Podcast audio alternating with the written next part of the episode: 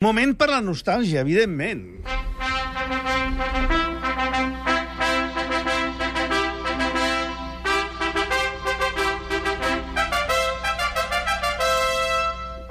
Finestrés, aquest cap de setmana torna el boxejador Rocky Balboa i per primera vegada el seu nom no forma part del títol. Aquest cop va dedicat al cognom del seu primer gran rival, Apollo Creed. Me han dicho que quieres hablar conmigo. Sí, quería pedirle que me entrenara. Entrenarte. Yo ya no entreno a nadie. Eh, Lo siento. Hoy es un poco tarde, muchacho. Tengo que cerrar. ¿Era bueno? ¿Quién? ¿Apolo? Fantástico. El boxeador perfecto. No ha habido nadie mejor. ¿Y cómo le ganó? El tiempo le ganó. El tiempo acaba con todos. Es implacable. Com ja heu sentit, aquest cop un Rocky entrenador interpretat, com sempre, per un excel·lent Silvestre Stallone, s'ocuparà del fill del seu etern rival.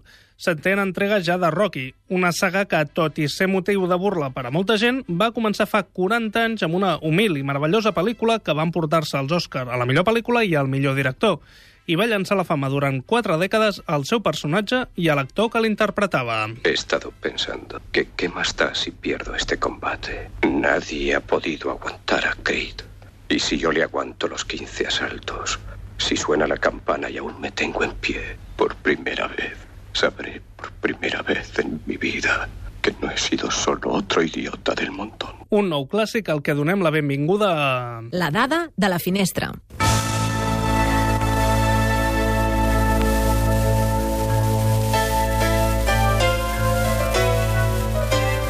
Stallone es va convertir en tot just la tercera persona que era nominat als Oscar al millor actor i al millor guionista a la vegada.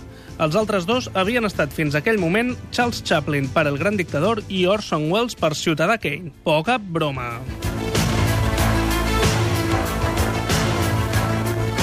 Amb la nominació d'aquest any, Stallone es converteix tot just en el sisè actor a ser nominat dues vegades al d'Oscar pel mateix personatge. 40 anys de diferència entre una nominació i l'altra. Això sí que és un paper que marca de per vida.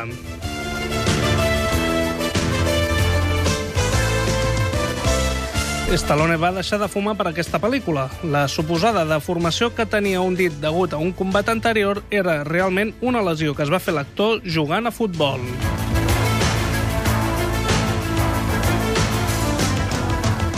Burgess Meredith, el pingüí de la sèrie Batman, va aconseguir el paper de l'entrenador Mickey Goldmill perquè molts altres candidats es van sentir insultats pel fet de que algú com Stallone volgués provar-los per veure si servien.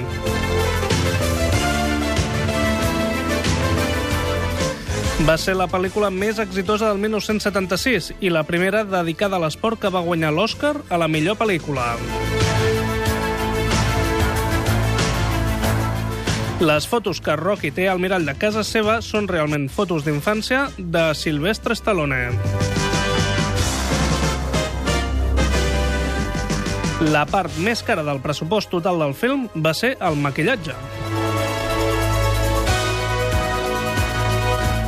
El nom real del personatge és Robert Balboa. Se suposa que ell ha agafat el nickname de Rocky Marciano, un dels millors boxejadors de la història, per fer un homenatge. També era italoamericà i el seu nom real era Rocco Marchigiano.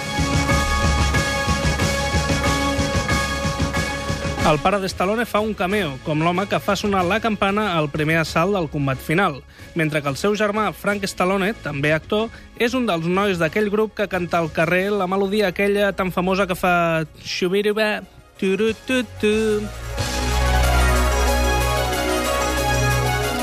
Susan Sarandon es va presentar pel paper d'Adrian, que va acabar interpretant Talia Shire.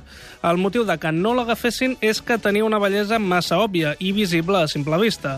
Pel paper del seu germà Polly, que va interpretar Bart Young, van estar a punt d'agafar a Harvey Keitel.